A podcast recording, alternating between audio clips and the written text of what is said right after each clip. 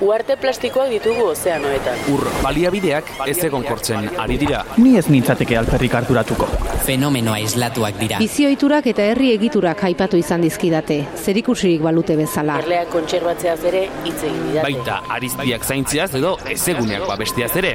Eta ni, Nork babesten hauni. Mikroplastikoak elikadura katean sartu zaizkigu. Ez ez da perfektua. Bioanistasuna galtzeak atzera bueltarik gabeko ondorioak izan ditzake. Lasaitu zaitez, ez da inbesterako izango. energia erabilerari eta garraioari loturiko isuriak izugarriak dira. Ez du nik erabaki horrela izaterik. Aro geologiko bat markatzeko adinako eragina izan dugu. Evoluzioaren aztarna, arro, egoteko modukoa benetan. Baliabideen erauzketak arrakala sozialak handitu ditu. Zer diozu? Nik ez dut alakorik egin. Eragindako inpaktuak direla eta muturreko fenomenoak ugaritu dira. Nire inguruan ez dut hori sumatu. Euri azidoa bertan da. Bizitzak aurrera darrai. Bai? Ziur, Gelditu makina. Gelditu makinak.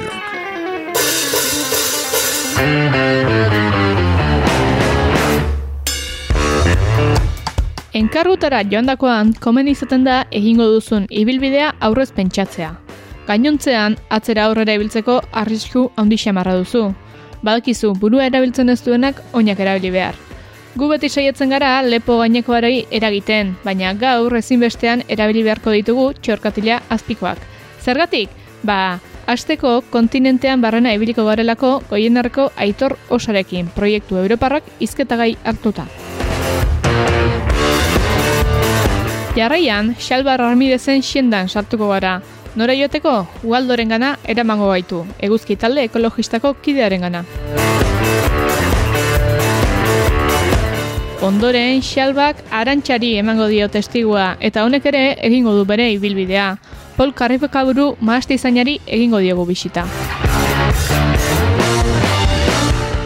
Amaitzeko berriz, beste dimentsio batetara joango gara, literatura nonbait kokatu badaiteke guk Danele Sarriugarteren eskuetan tokatzen du, kokatzen dugu. Eta ara eramango gaitu jarraian. Burua erabiltzeko oinak erabiltzea ongi datorrelako, hau da gelditu makinak saioaren bigarren denboraldiko hogeita amasei garren atala.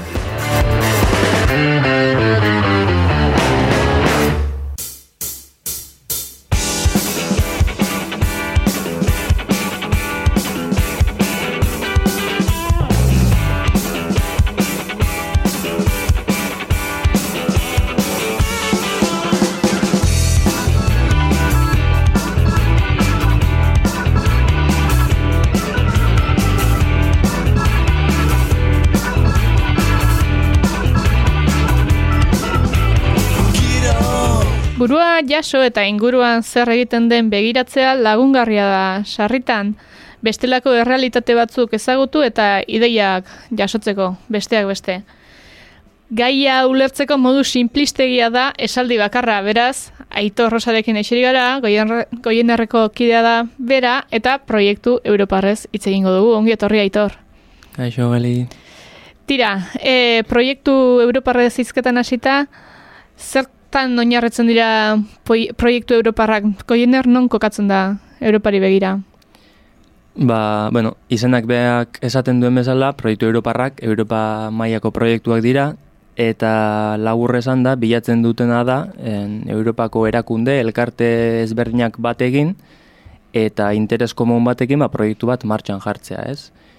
En, bueno, agian inglesez esaten den think en, global act local horrekin, filosofia horrekin nola bait, en, azken finean, ba, Europa mailako ekiben desberdin horiek bat jarri, eta herrialde bakoitzean, edo eskualde bakoitzean, ba, praktikan jartzea en, proiektu horiek. Eta parte hartzeko, zer, Europarra izatearekin nahikoa? Bai, bai, hori da. En, erakunde, enpresa, e, udaletxe, bueno, erakunde mota ezberdinak hartzen dute parten, Europar batasunaren barruan, edo bueno, Europa barruan daudenak, ez? Eta azken finean, Europatik handatozen funtsak direnez, en, gu kasu honetan H hogei programaren barruan gabiltza proiektu batekin baino gehiagorekin, eta hori da, azken finean, Europa mailan aurrera eramaten direnez, ba, Europa mailako elkarteak, erakundeak izaten dira. Aipatu duzunez, proiektu bat, baina gehiagorekin zabiltzate, eta pentsatzen dut e, proie, martxan doden proiektuak ere ugari izango direla. Zeren arabera e, hautatzen da ze proiektuetan sartu eta zertan ez.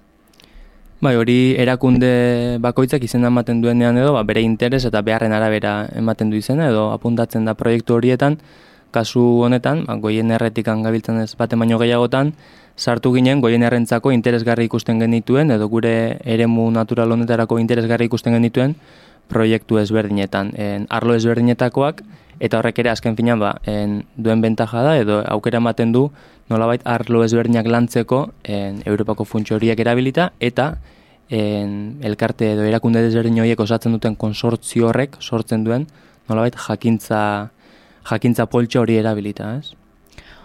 Osatzen diren taldek ze nola funtzionatzen duten, nola da posible e, hemen Euskal Herriko batek, ba, Europako beste herrialde bateko talde batekin lan egitea, edo nola, nolako da funtzionamendua?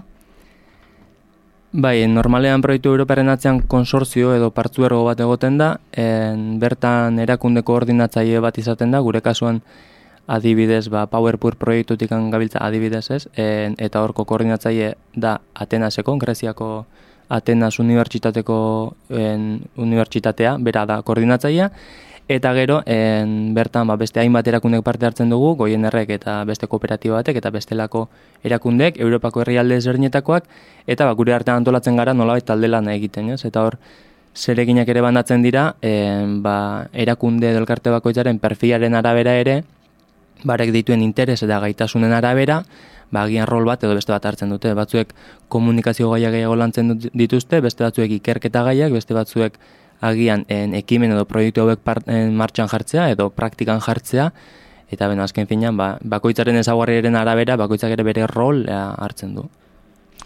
Goienerrekin hasiko gara, baten bat aipatu duzu, baina ze proiektutan hartzen du parte goienerrek Europa mailan? Momentuz, en, bost proiektutan gabiltza parte hartzen, en, lehenengoa Chester izenekoa izan zen, eta gero horren ondoren etorri ziren PowerPoint, en, Bikup, Guai eta hidrotipi proiektuak. En, bost proiektu horiekin gabiltza, gero en, beno, askotan edo gehienetan beste proiektuaren eskaerak ere egiten ditugu, ze azken finean en, proiektu bakarra eskatze askotan ez da nahikoa izaten, zeren eta ez da irtetzen proiektu hori, orduan beraz batzutan egin behar izaten dena da proiektu bat baino gehiago eskatu, eta gero ba, aurrez suposatu batzuetan en, irtengo dela eta bestetan ez dela irtengo, eta bene pixkat balantza horrekin jokatu, ez? Baina momentuz bost horiekin gabiltza. Guretzako izenak ez dira nahikoak, pixka bat sakonduko altzen eguke zertan datzan bakoitza.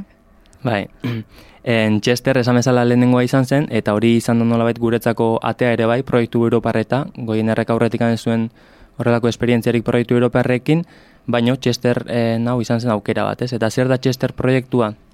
Honen helburu nagusia da, energia biltegiretzeko eta kudeatzeko en sistema garatzea, ez? Azken finan konponbide teknologiko bat oinarritzen da proiektu hau, eta bere helburua da argindarra en, erabili gordetzeko, baina ez argindar bezala gordetzeko, baizik eta energia termiko bezala gordetzeko, eta gero atzera bueltan en, energia termiko hori argindar bilakatzea berriz edo transformatzea, gero argindar hori erabili izateko. Azken finan da, en, konponbide teknologiko baten bilaketa bat en, argindarren, argindarraren kudeaketa optimoago bat egiteko. Hori lehenengo proiektua zen, horren ondoren gero etorri zen PowerPoint, pobrezia energetikoaren inguruan dabilena, en, eta horren oinarria da, ba, herritar, herritar zaurgarriak edo pobrezia energetikoan dauden herritarrak batez ere, alduntzea ekimen kolektiboen bidez.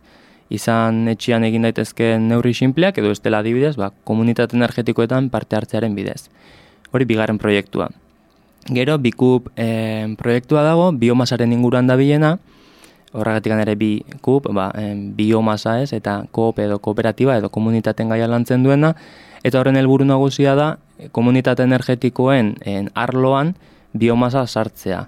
Eta era berean, biomasaren gaia edo arloari ere komunitate energetikoen ikuspegi hori ematea. Beraz, honen helburua da nolabait en, proiektu honen bidez aholkularitza bat ematea eta bide batzuk erraztea komunitate energetiko jakin batzuek biomasa erabili ahal izateko edo eta biomasaren potentziala dagoen lekuetan komunitate energetikoen bidez biomasa hori aprobetsatzeko batez ere etxeko en, energia termikoaren erabilerari zuzenduta.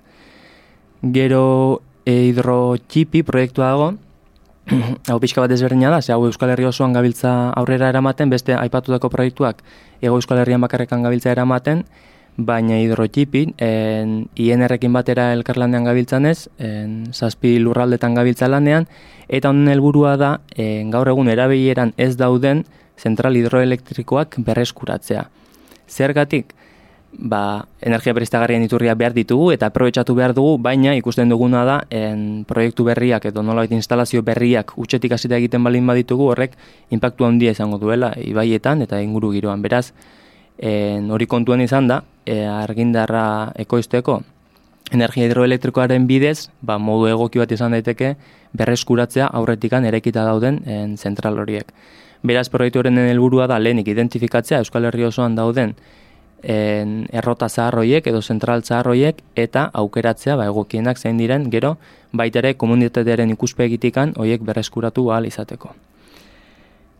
Eta gero guai proiektu ere badago, hau nolabait ikerketara bideratuta dago gehiago eta matematikaren ikuspegitik. Eredu, eredu matematiko bat garatzea du helburu, etxeetako kontsumo energetiko aztertzeko eta nolabait hori optimizatzeko gero horrek lagundu izateko, ba, merkatu elektrikoaren aurre ikuspenetan eta etxeko kontsumoen en, azterketa horretan. Aipatu duzunez, askotan, e, bueno, kontsortzio gisa eratzen da, eta kudeatzaile bat izan nahi dute taldeek, baina goienerrek nola hartzen du parte horrelako proiektuetan? Okerrezpanago, e, Power Purreko kudeatzaile zer horri zaitugu, zer da horrelako proiektu batean lan egitea eta nola egiten duzu lan? E, proiektu bakoitza mundu bada, nola baita esateko ez, eta bakoitzak bere ezagugarri eta aspektu ezberdinak dituen ez ere bako, bere bueno, desberdintasunak ditu, baina orokorrean e, parte hartzea proiektu hauetan izaten da, gure kasuan ba, koordinatze, koordinatzea herrialde jakin batean edo eskualde batean. Esan bezala, proiektu gehienetan gabiltza egoalden edo, bueno, kasu honetan estatu mailako koordinazioa egiten proiektuarena, en, eta beti ere, ba, bueno, kasu honetan ikuspegi praktikoarekin, ez, ba, goiener kooperatiba denez, merkaturatzailea denez, elkartea denez, ez, bere voluntario eta bere langile guztiekin, eta sorkuntzara, sorkuntzan ere gabiltzan kooperatiba talde bat garenez, e, nolabait lotura zuzen hori dugu, kontsumitzaileekin, ekoizpenarekin, nolabait merkatu elektrikoarekin, eta goienerren jakintza danez en, argindar merkatua eta energiaren sektore hori, ba, nolabait hori praktikan jartzen en, egiten du ekarpena goien errek, ez? Ba, diez, guai proiektuan, kontsumitzaia ditugunez merkaturatzaietikan, eta haien datuk zuzenak lortu ditzak egunez, ba, en, praktikan jartzen dugu eredu matematiko horren, en, nolabait, en, proba bat edo azterketa hori egiteko. Powerpurren ere, pobrezi energetikoa lantzen gabiltanez, en, eta goienerren ere aurretik nola gimiltzen ez, goiener sozialaren bidez pobrezi energetikoaren gaia lantzen, ba, aurretik anerekin duen jakintza, en konsortzioko proiektuko beste elkarten jakintza gehituarekin batera, ba, en, nola zerbitzu hori hobetzeko. Eta biomasa adibidez, orain arte, orain arte ez dugu landu gehiagi izan, gai hori, baina proiektu honek ere aukera ematen digu, ba, beste arlo horietara zabaltzeko, ez? Orain arte gehien bat, argindarraren arloan genbiltzan ez zentratu du, ba, honek ere laguntza emango digu, horra zabaltzen. Baina esan bezala, gehien bat biltza proiektu horiek en, eskualde edo lurralde mailan koordinatzen, eta horiek praktikan jartzen, en, bertan bertako kontestuan. Jarraipen pixka bat egin diezue dagoeneko, zer nolako bilakaera antzeman diezue horrelako proiektuei? Bai, en, bueno, em, urte pasatxo izango da en, lehenengo proiektu martxan jarri genuen erikan, berez esperientzia handirik oraindik ere ez dugu, hasi berria gara horretan ez, denok ere hasi berri xamarrak, eta momentuz gehien bat izan da ikasketa prozesu bat, ez, ba, esan bezala lehenengo proiektu horrek lagundu ziogun, proiektu Europarrek nola funtzionatzen duten jakiteko, eta gero urrengo proiektuekin, baina beste ikasketa batzuk izan ditugu. Baina, bai, bilakaera izan da batez ere martxan jartzea, ez? Proiektu Europarra dutena da, eta, bueno, erakunde publikoek, edo bestelako nolabait elkarte erakunde bezala, denbora behar dutela. En parte hartzaile asko izan da, en ezin zara zu bakarrikan joan eta gauzak pipan, pinpan edo azkarra egin, baizik eta denbora behar da, gauzak ez behar dira, deno artean lotu eta zehaztu, Beraz, en, proiektu Europaren hasiera nola batzuetan izaten da, ez? Demora behar dela, en, baldintza horiak preparatzeko, materialak preparatzeko, ba, izan formakuntzak emateko, edo izan bestelako dokumentazio eta horiek preparatzeko. Beraz, proiektu gehienetan izan da, orain arte, en, batez ere, proiektua martxan jartzea en, baldintza horiek sortuz. Ba, materialak sortuz, itzulpenak eginez, proiektu mailan sortu diren material horiek itzuliz euskarara, naiz gaztelerara eta hasierako nolait prestaketa lan hori egiten, ez? Edo kabi hori preparatzen gero proiektuien kasu pilotuak aurrera eramateko. Sarri desberdina izan ohi da nor bere etxean dituen premiak eta auzoan daudenak, auzoa Europatzat hartuko bagenu zer nolako premiak aurre ikusten dira aurrera begira ze erronka irantzun beharko die Europak. Erronkak asko dira eta batez ere energiaren gaiakin gaiarekin baldin bagabiltza, ez? Erronka asko eta ugari dira. Erronka nagusiena izango da segurazki lehenengoa energia gutxitzea eta bueno, horrekin ere lotuta ba, adibidez PowerPoint proiektua bere ekarpena egiten du, ba, efizientzia hobetuz eta bueno, etxeko naiz eta etxeetako energia ez den euneko oso handia en global, maia globalean, beste sektorekin alderatuta, baina ekarpen hori egitea ez. E, baina gero baita ere, energia gutxitzea azkain beharko dugu bestelako iturrietatikan kontsumitzea, eta horre adibidez, ekarpen egiten dute, bai, derrotxipik, nolait bertan bertako erroten bidez energia ekoiztea, bekupek ere horrek ekarpena egiten du, e, ba, nolabait eskari edo energia termiko horri irten bide edo konponbide partzial bat ematea, ba, bertako biomasa hori erabiliz, guaiek ere laguntzen du, hobeto gokitzen etorkizuneko erronka horietara argindarraren sektorearen ikusbegik batez ere, azken finean en, merkatu elektrikoak ere dituen eta izango dituen aldaketako batzuk izango dira zenbat eta gehiago berriztagarriak erabili, orduan eta sare nolait komplexuagoak izango direla eta horreko are eta kontrol handiagoa eskatu beharko duela eta horretan ba adibidez etxeko en, energia kontsumoaren kontrol handiagoa edo ulermen handiagoa izateak lagunduko du hobeto egokitzen, ez, sektore eta behar horietara. Azken finean esan bezala energiaren kontsumo gutxitu beharko dugu, beste baldintza, hainbat baldintza en hobetzearekin batera, beste aldaketa batzuekin batera eta proiektu hauek laguntzen dutena da, ba hortara egokitzen, ez? Ba etorkizuneko erronka horietara aliketa modu egokienean gerturatzen. Galdera zorrotz xamar bat horrengoa presta zaitez, aitor. E, zergatik hartu goien erbezalako kooperatiba txiki eta lokal batek Europa mailako proiektuetan parte. Alegia, ze, zer jasotzen du goien errek Europatik eta gainera bere ekintza eremua Euskal Herrian kokatuta, zeren bila doa Europara? Ba, bai, ez da galdera erresa, eta ikuspegi askotatik erantzun daiteke, edo uler daiteke, eta bai, en, bada nola galdera, edo kontu komplexua zenbateraino lokalizatu, zenbateraino globalizatu, edo zenbateraino nora joan ez, baina esan du bezala, en, bueno, think global edo lokal esaten horrekin, e, nik uste interesgarria dela ikuspegi desberdinak eukitzea ez gure lurraldekoa bakarrika, baizik eta Europak, bueno, kasu honetan Europakoak, baina mundu mailakoak ere izan daitekela, ez? Eta ikuspegi desberdin horiek alegia beste herrialdetatik antatu zen e, nulerkerak edo esperientziak jasotzea, partekatzea eta horiek bertan bertako kontestuan aplikatzea, beraz hortan ikusten dugu oso positiboa dela, beste herrialdetan zer egiten den ikustea gero guk ere, hemen egiten dugun hori edo egiten gabiltzen hori hobeto egiteko eta nolabait alferrikako esfortzuak ez egiteko, beste esperientzien bidez. E, azken finean bultzada bat delako proiektu Europarrak bultzada bat dira, ez, gu e, gabiltzan ekimen entzako.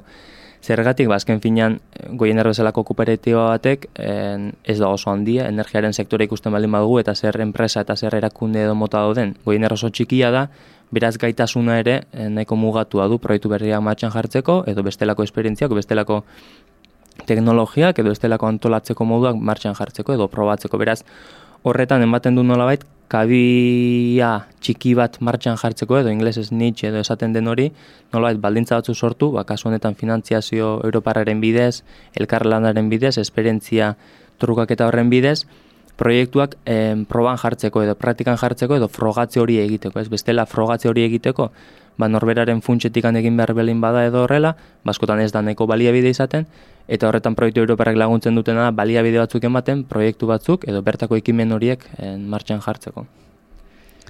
Ba, itorrosa, zueri ere emango dizut aukera zerbait gehitzeko galdetu ez dizudan zerbait erantzuteko premio alin baduzu, mikroa zuretzat?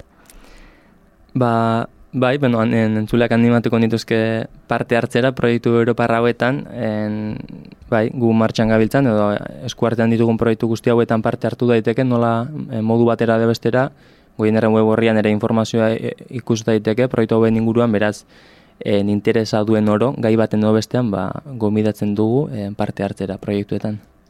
Ba, gombita, zabali dago. Aitor Rosa, goienarko kidea, eskerrik asko gurean izateagatik. Eskerrik asko. Gelditu makinak.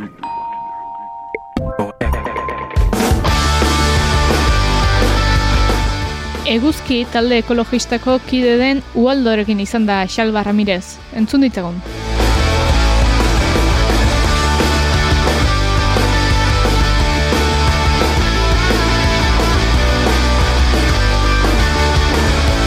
Hemen dakagu gurekin Waldo, eguzki taldeko kide bat. E, kaixo, Waldo, e, azaldu zuen zure hitzekin, e, bueno, zer da eguzki talde ekologista? Bueno, eguzki talde ekologista zer da? Pues, esango nuke talde kakotzen artean e, zahar bat, ez? E, ia e, hogeita ma, bosturte eramagu borroka hontan, e, gehienok, o, bai, gehienok e, etortzen gehiago, e, jatorriz, ba, komite antinuklearretan e, e, egon ginen lanean e, eta borrokan.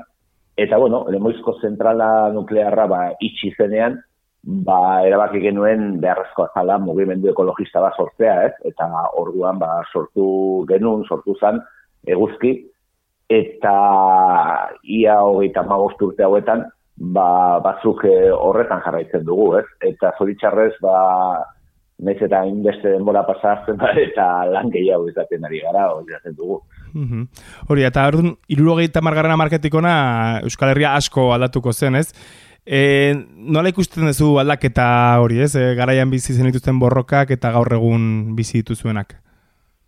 Bueno, e, aldaketak beti egoten dira, zentzu guztietan, eh? E, kulturalki eta esparru noetan esan edete inguru biduko esparruan ere aldaketak e, daude etengabe.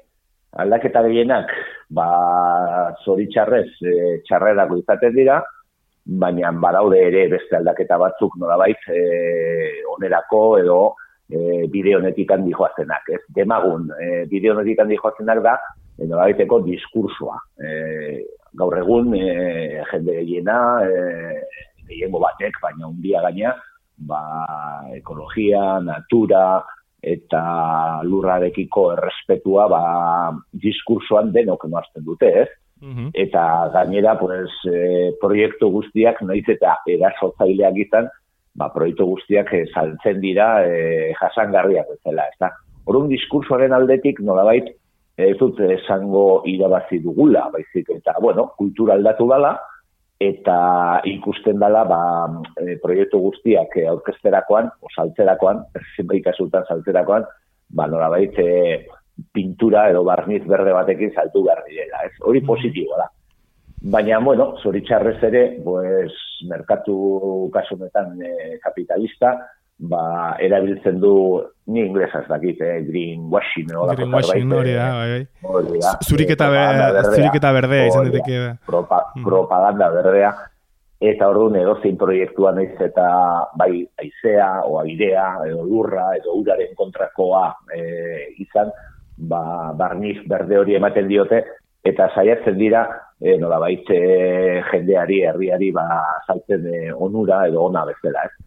Orduan, dikotomia horretan gaude, ez? E, diskursoan bai, baina trafikan pues, gauzak e, ez dira aldatu, ez? Mhm. Eta, eta beste ezaten zuen bezala, eta ez dira aldatuko. bueno, bai, bai, bai. Hortan, hortan zabiltzate gutxien ez aldatzen zaitzen, ez? Vale, Egun aldi honekin pesimista jarriko bai.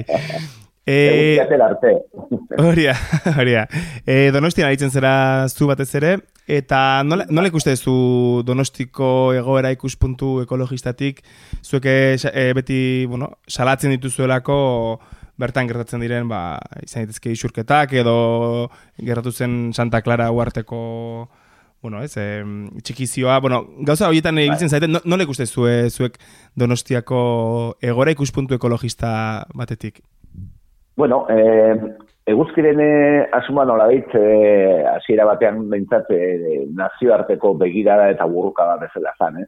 Baina denborarekin nolabait eh, bukatzen zea, ba, nolabait eh, fokalizatzen edo lokalizatzen. Hau da, zure inguruan, zuke ikusten dezuna, zuke sentitzen duzuna, nolabait, pues, eh, borrokatzen, defendatzen eta eta babesten, ez? Eta gaso honetan, ba, bueno, e, ni edo guk, e, donostiarra garen ez, ba, bueno, nahiko lana du, dugu donostia aldean, eh? ez, gara bakarrik e, mugatzen e, donostiako, e, en fin, ez dakitu herrira, baizik eta inguruan ere gertatzen dire eraso guztiekin, ez? Eta nola ikusten dudan, no, nola ikusten dugun, pues joder, e, lehen esan dizuan bezala, ez? E, erasoak e, bat bestearen atzetik datoz, ez? E, neiz eta e, gauz batzuk e, nolabait e, obetu, hau da, demagun, ez? E, itxasoaren e, uraren kalitatearen egoera, ba, obetu da. E, mm Ibaiaren, kaso honetan urumea ezagun, ez? E, e, uraren kalitatea ere, obetu da. E, berdegunearen nolabaiteko zenbait egoera, obetu dira. Baina, eta hori beti esaten dugu, baina, erasoak e, ez dira, e, inoiz, e, dute inoiz atxeren hartzen, ez? Eta donostiako kasoan, pues, zuka ipatu dituzunak, ez? E, Santa Clarako ugartearen e, eskultura horrena, ez da eraso, e, eraso, barkatu, ez da eraso e, larria, baino bai izan buratxua, ez? E, horre, beharrezkoa ez den toki batean, ba, eskultura bajartzea, e, suposatzen duen diruzarekin eta bar, ba, horrek adierazten du udaletxak be bosa jola, ez, e, ugartearen mm -hmm. e, balioa, ez.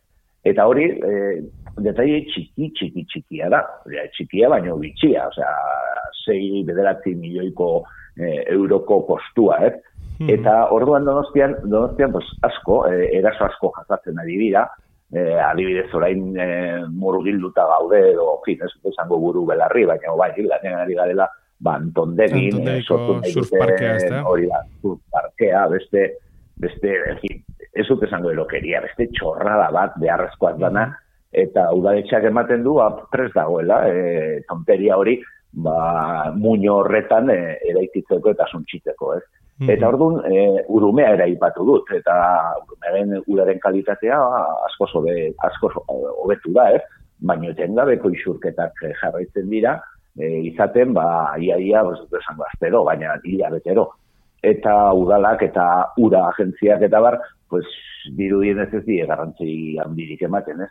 Eta gero dago, pues, donosti, eh? esaten dudalako, mm -hmm. e, garelako, ba, metroaren ere beste mm buru bat, osea, ez da beharrezkoa, baina ez dago, ez dago, ez da hori da, e, dirua gaztatzea alperrik, ez? Eta hori, lana zoritxarrez, zoritxarrez eh, berriz diot, e, ez zaigu falta. E, faltatzen zaiguna da, pues, agian, e, nola esaten da, pues, e, mimbres, mimbres, e, personak, e, e, langileak, e, kintzaileak, nola bait, da, e, proiektu guzti hauei da, pixkat frente, ez dut esango gorrago, ez, baina trinkoago egiteko, ez. Baina, bueno, e, esan dizuan bezala, e, gure bilbidea oso luzea da, eta guk e, hogeita ama bosturte baldin badara magu, ba, maraton bezala behintzat berrogeita bi urte arte e, aguantatuko dugula ziur. O sea, que,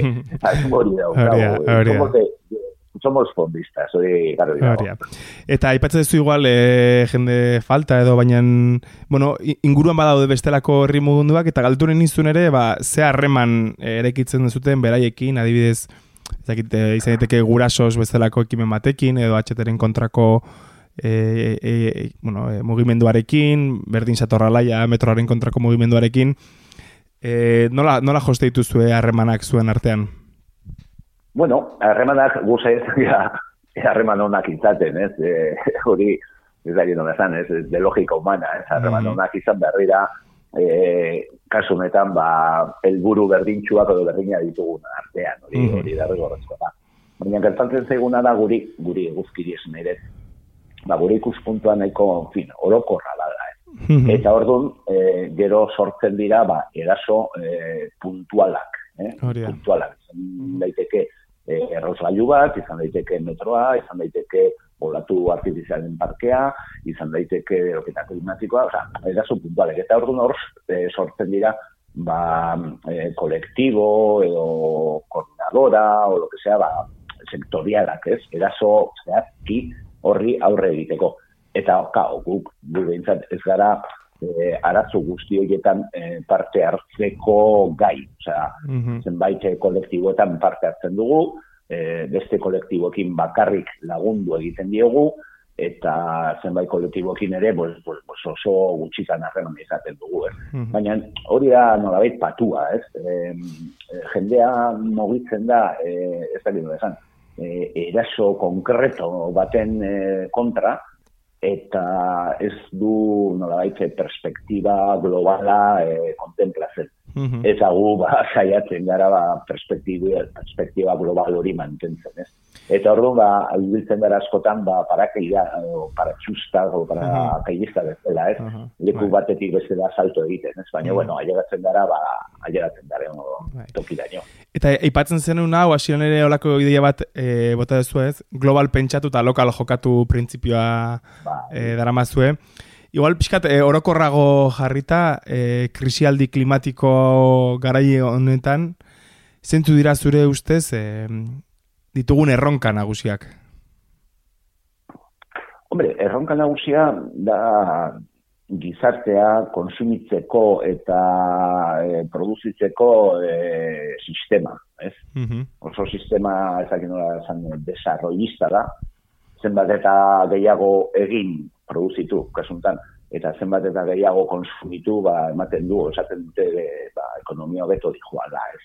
Eta guk horretan horrekin ez dugu bat egiten, ez? E, bueno, ez dugu bat egiten, eta kontra gaude, e, gu azken finean uste dugu, uste dugu hemen e, dekrezimendua, edo ezakit nola esan uste da, Desazkundea, ba, beharrezkoa da, desazkundea hori, Mhm. eta momenturen batean, ez dakit noiz, hori txarrez ez dugu epe motxera ikusten, baina momentu batean e, gizarteak e, hori planteatu beharko dula, e, nola baitez. E, ezin gara beti gehiago e, ekoiztu, gehiago saldu, gehiago bota, gehiago konsumitu, eta azken finean, e, bai planeta eta bai materialak eta bai personak finitoa gara. Osea, hau, hau, hau ez da, ez nola esan, hau ez da pelikula bat. Hau benetazko lurzoru bada, eta nolabait lurzoru horrek, e, planeta honek, mm, aguantatzen du, aguantatzen duna, eh? ez edo zein e, garapena. Orduan, e, hori da e, epe ertain luzera e, lortu behar dana, ez? Baina, hori azken finean ez da e, talde ekologista baten e, nolabaiteko aldarrikapena baizik eta kultura eta gizartaren e, aldaketa bat. Eta horretan, puf, horretan e, lan asko, denbora asko, arazo asko eta susto asko hartu behar ditugu nolabait e, gizartea ba, konturatzeko horrela goa zena ongi, ez? Hori, arrazoi, arrazoi. E, eskerrak zuek bezalako jendea ere lan asko egiten duen, eta e, hori gaurkoz, ba, eskerrik asko gualdo gurekin egotegatik, eta beste arte. Bueno, nahi dezun arte e, berriz e, deitu eta gu pres gaude egiten. Gelditu makinak. Naiz irratian, Eli Pagolarekin. Paul Karrekaburu maast izaina da, eta gure kolaboratzailea arantxa idieder izan da berarekin.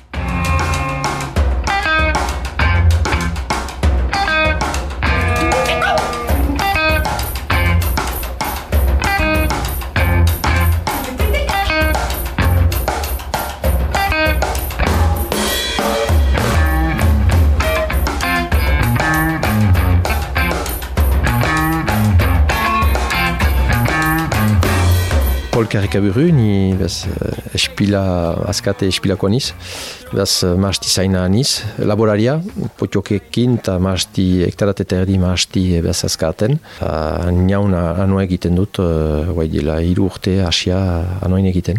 Espila etxekoa, pixkat uh, oinarri bat da, zuretzat uh, importantea da, espilakoa zirela erreitea.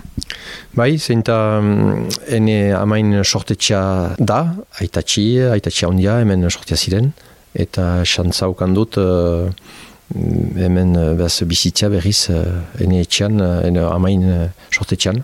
Hemen importantea zen zuretzat berriz uh, biziaraztea laborantza mota bat. Bai, ere, zeinta, mm, bon, okan ditu beti kalak izan dira etxe hontan, beti edo uh, mila eta behatzion eta latan eta amostian kan ginuen uh, gaixotasun bat gure kaletan, uh, la Bruxelloz, eta behietan, eta gioztik etzen behik hemen, eta mila, bi mila lauan, ene amak hartu dielaik bere erretreta, zarri ditut berriz kalak, potiokak, eta bizpairu urte behanto uh, landatu uh, maasti, bat. Orduan zenako maastia landatu duzu, nondik idin zauzu enbeia hori edo gogo hori? Uh, Ez dakit sobera, mana badakit aitatxik baziela maasti tipi bat, uh, amak aipatzen zuen hori.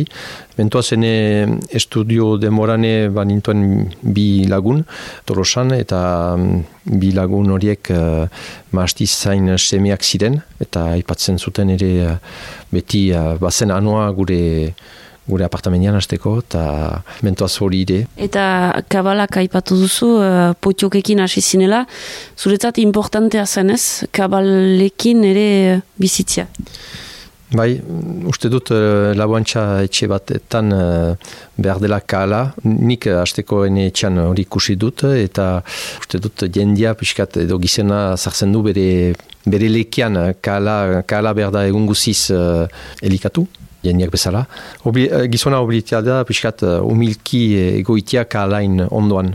Zer gane du, piskat, uh, zure buruarekiko kritika bat ere ekartzeko manera bada? Edo? Bai, bai, piskat, kritika zeinta um, laborantza um, mundian, uste dut, anitz, anitz aldiz, uste dugu uh, kalak eta eta natura uh, domtatzelan edo ez dakit, hori no, haiten den eskolaz, baina uste dugu uh, do, gara, gizonak beti dominatzelan diela natura, baina azkenean gizona naturan parte hartzen du eta behar du bizi arekilan eta ez zentsatzia dominatzia hasteko. Ideia horrekin handitu duzu, garatu duzu zure etxaldea?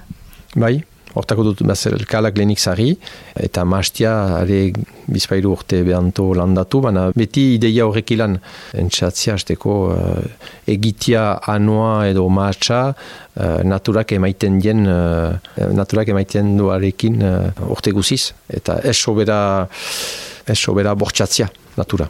Hori da, behar bada, pixkat, uh, gaur egungo laborantza edatuan, uh, eta bo, industriala eno gehiago, biztanena, baina uh, egiten ez dena? Bai, uste dut hori. Erraiten dute, uh, anitzaldiz edo ministerio, ministerio agrikulturako ministerioaikin eta frantzian eta erraiten dute, ari gira kambiatzen, uh, Bana ene iduriko ez askifite, eta arungutire, kambiatzen da, ageri da, uh, ageri, Eh, klima horrek ilan ageri da behar dela fite kambiatu edo entzatzia hasteko uh, fiteagoa aizan lauantza kambia, kambiatzeko hasteko. Justuki zuk beraz uh, maastiak uh, badituzu, anua egiten duzu hor badu hiru urte, uh, ateratzen dituzula zure boteilak eta nola biziarazten duzu maasti hori? Astapenean eh, nintzen biologikoan, eh? asiniz eh, ez biologikoan, behaz pozoina emaiten eta belarra erretzen nuen pozoinaikin, trantamenduak eta pozoinaikin, edo produktu hasteko azkar batzuek ilan. Eta osasunari buruz, kambiatu dut uh, bapatian, hartu dut piskat demora piskat, baina azkenian uh, bapatian kambiatu dut uh, urte atez, eta biologikoan pasatu. Liburu bate leitu dut, uh, La sobriete heureuse Pierre Rabik uh, eskiatia zuen uh, liburu hori, eta um, ene egia erito amare uh, zendu da uh, sangreikin, haita oai berrikitan uh, ere, eta Voilà, konsentzia hartu dut uh, berzela kambiatu enetako hasteko. Eta aizio uh, eh, aribidez, baut, uh, astapenean uh, tratamendiak eta egiten intuen uh, banuen uh, uh, da. Skafandra uh, bai, abesteko produen ez, ez bitzeko eta uda demoran izigarri bero da eta behar nuen anitz kosmonot bezala behar nuen bestitu, eta orai, uh, orai ez dut uh, biologikoan hori guziak ez ditut gehiago ezartzen, eta goxoki, goxoki zinez hainiz lanian, mhm. eta nahi haut hola, hola bizi eta hola lan egin, eta hori ere piskat zarien ene botoilan hasteko esplikatzeko jender posible dela eta egin. Justuki uh, egia adibide hona dela, eta zuna jantzi hori guzia eman behar balimada zangoetatik bururaino tratatzeko zure maastiak ondotik edango ditugunak, ordan, bada zerbait gaizki doana ez? Bai, segur, eta hori hori da adibidez ez askienetako erraiten eskola, labontxa eskoletan, eta ez aski esplikatzen uh, ikasler.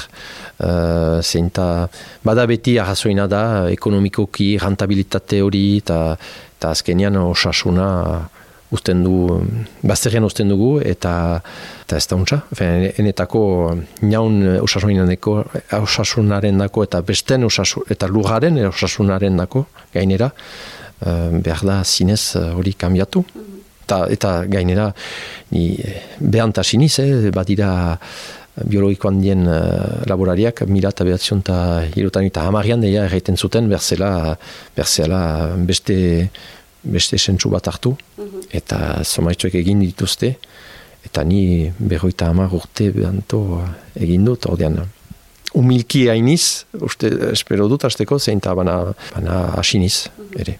Eta ordan, uh, espilako suria, hori da zure uh, domeinuaren uh, izena.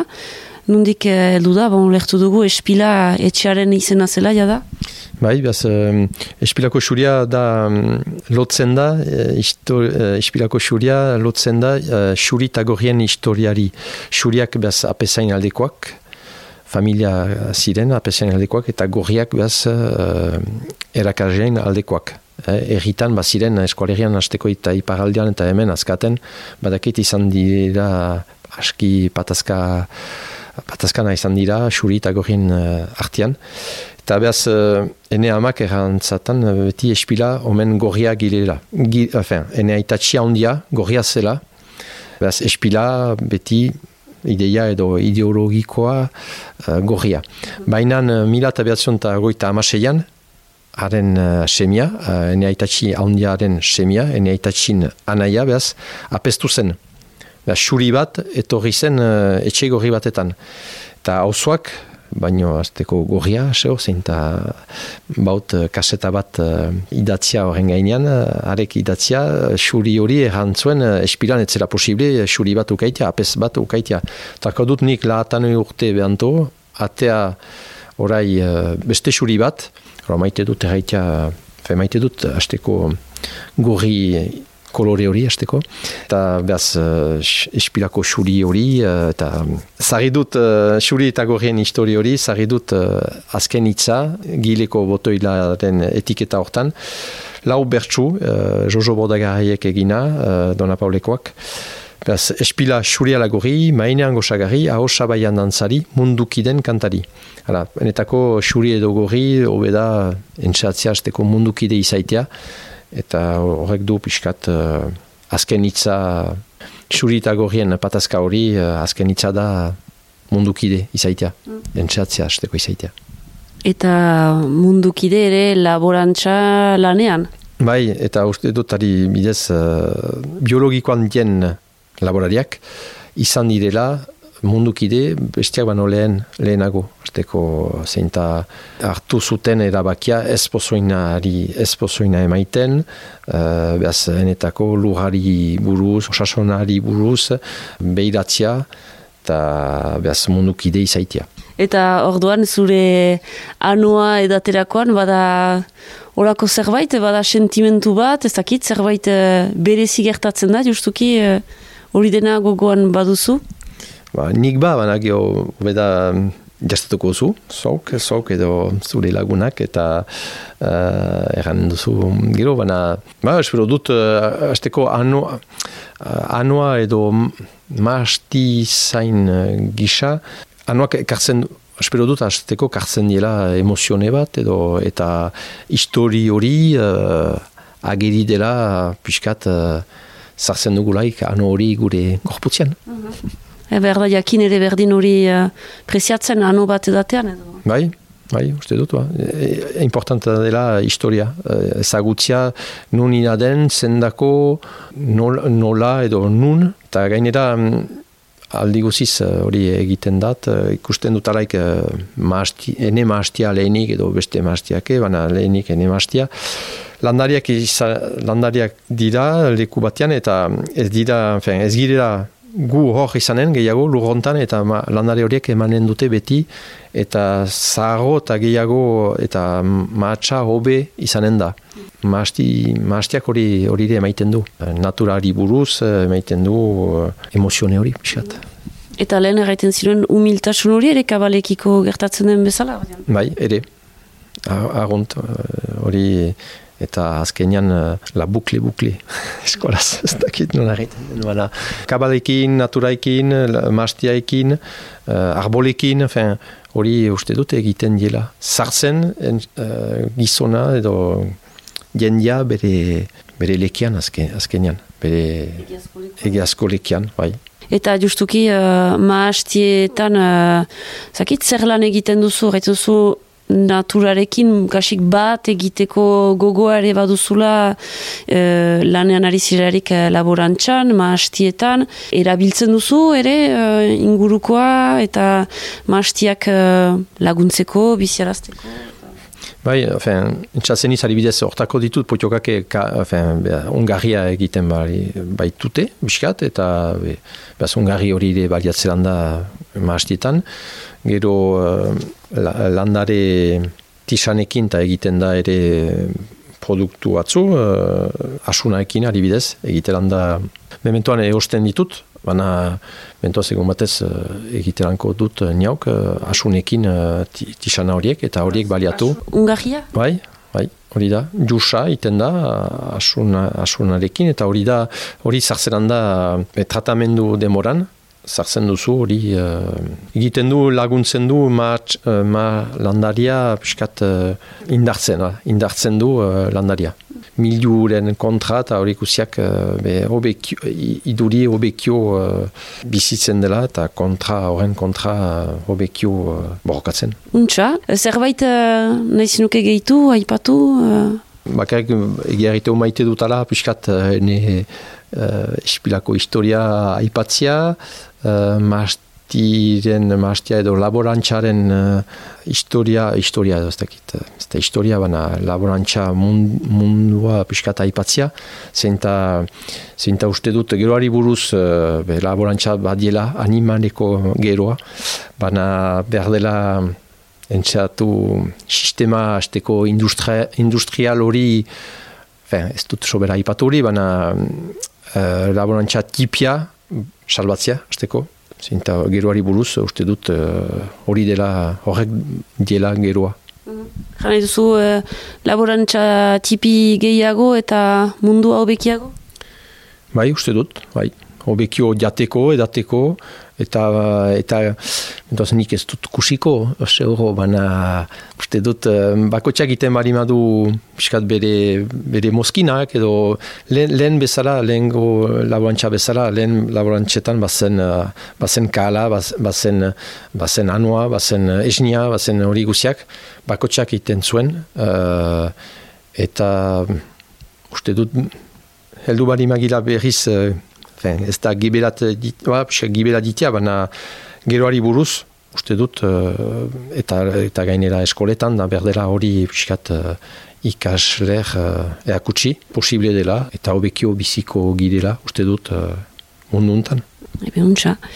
Ba, mil esker? Mil esker uh, zuri, arantxa, eta mil esker naiz irratiari.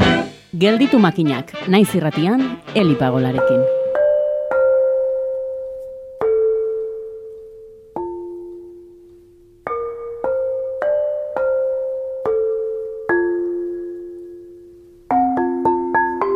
Eta gaur, pilulen atalean, hainbeste aldiz agurtu dugun bati agur esateko unea heldu zaigu.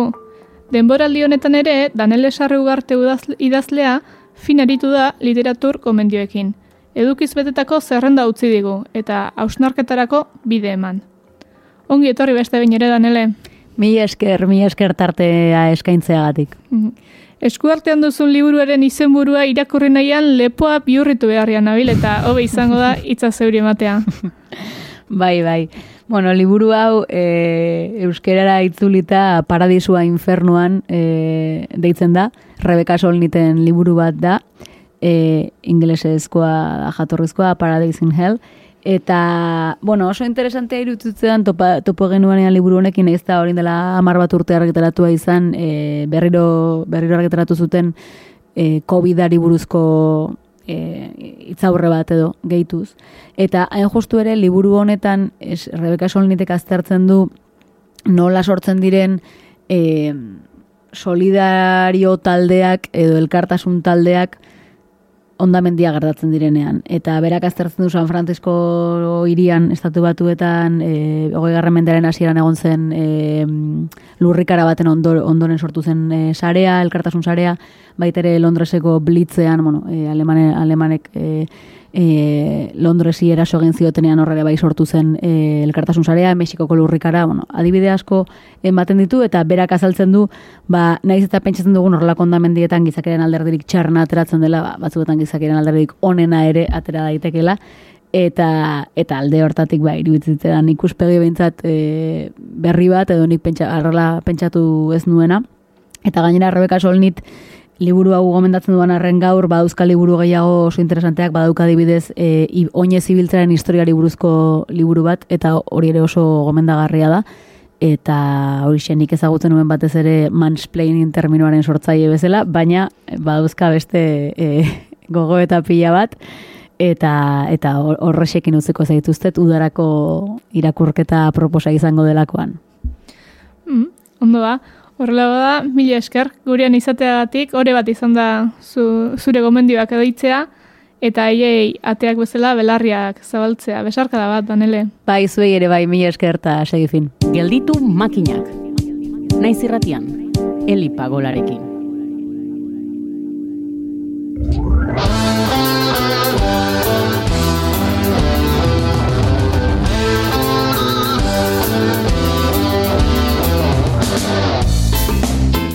Ibilealdien ondoren luzaketak eta luzamendu zaleak arela jakina delako, bada espada ez diegu bide askorik emango. Ongi izan adiskide eta adi gelditu makinaken urrengo atalari.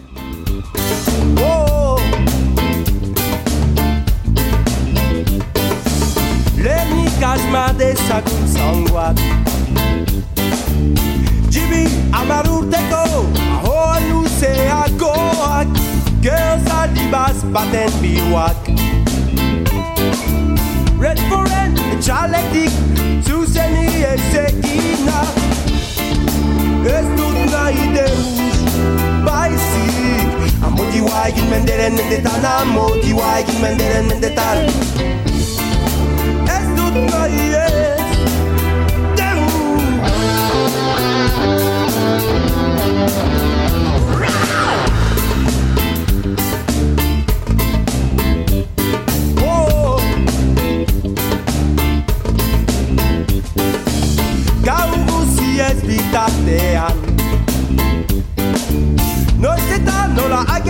agestuko den azpeki jakin gabean Aldiz aditu dut abian Iratzar irratiak ziarazten zutela Ez dut nahi deus baizik Amotiua egin menderen mendetan Amotiua egin menderen mendetan Ez dut nahi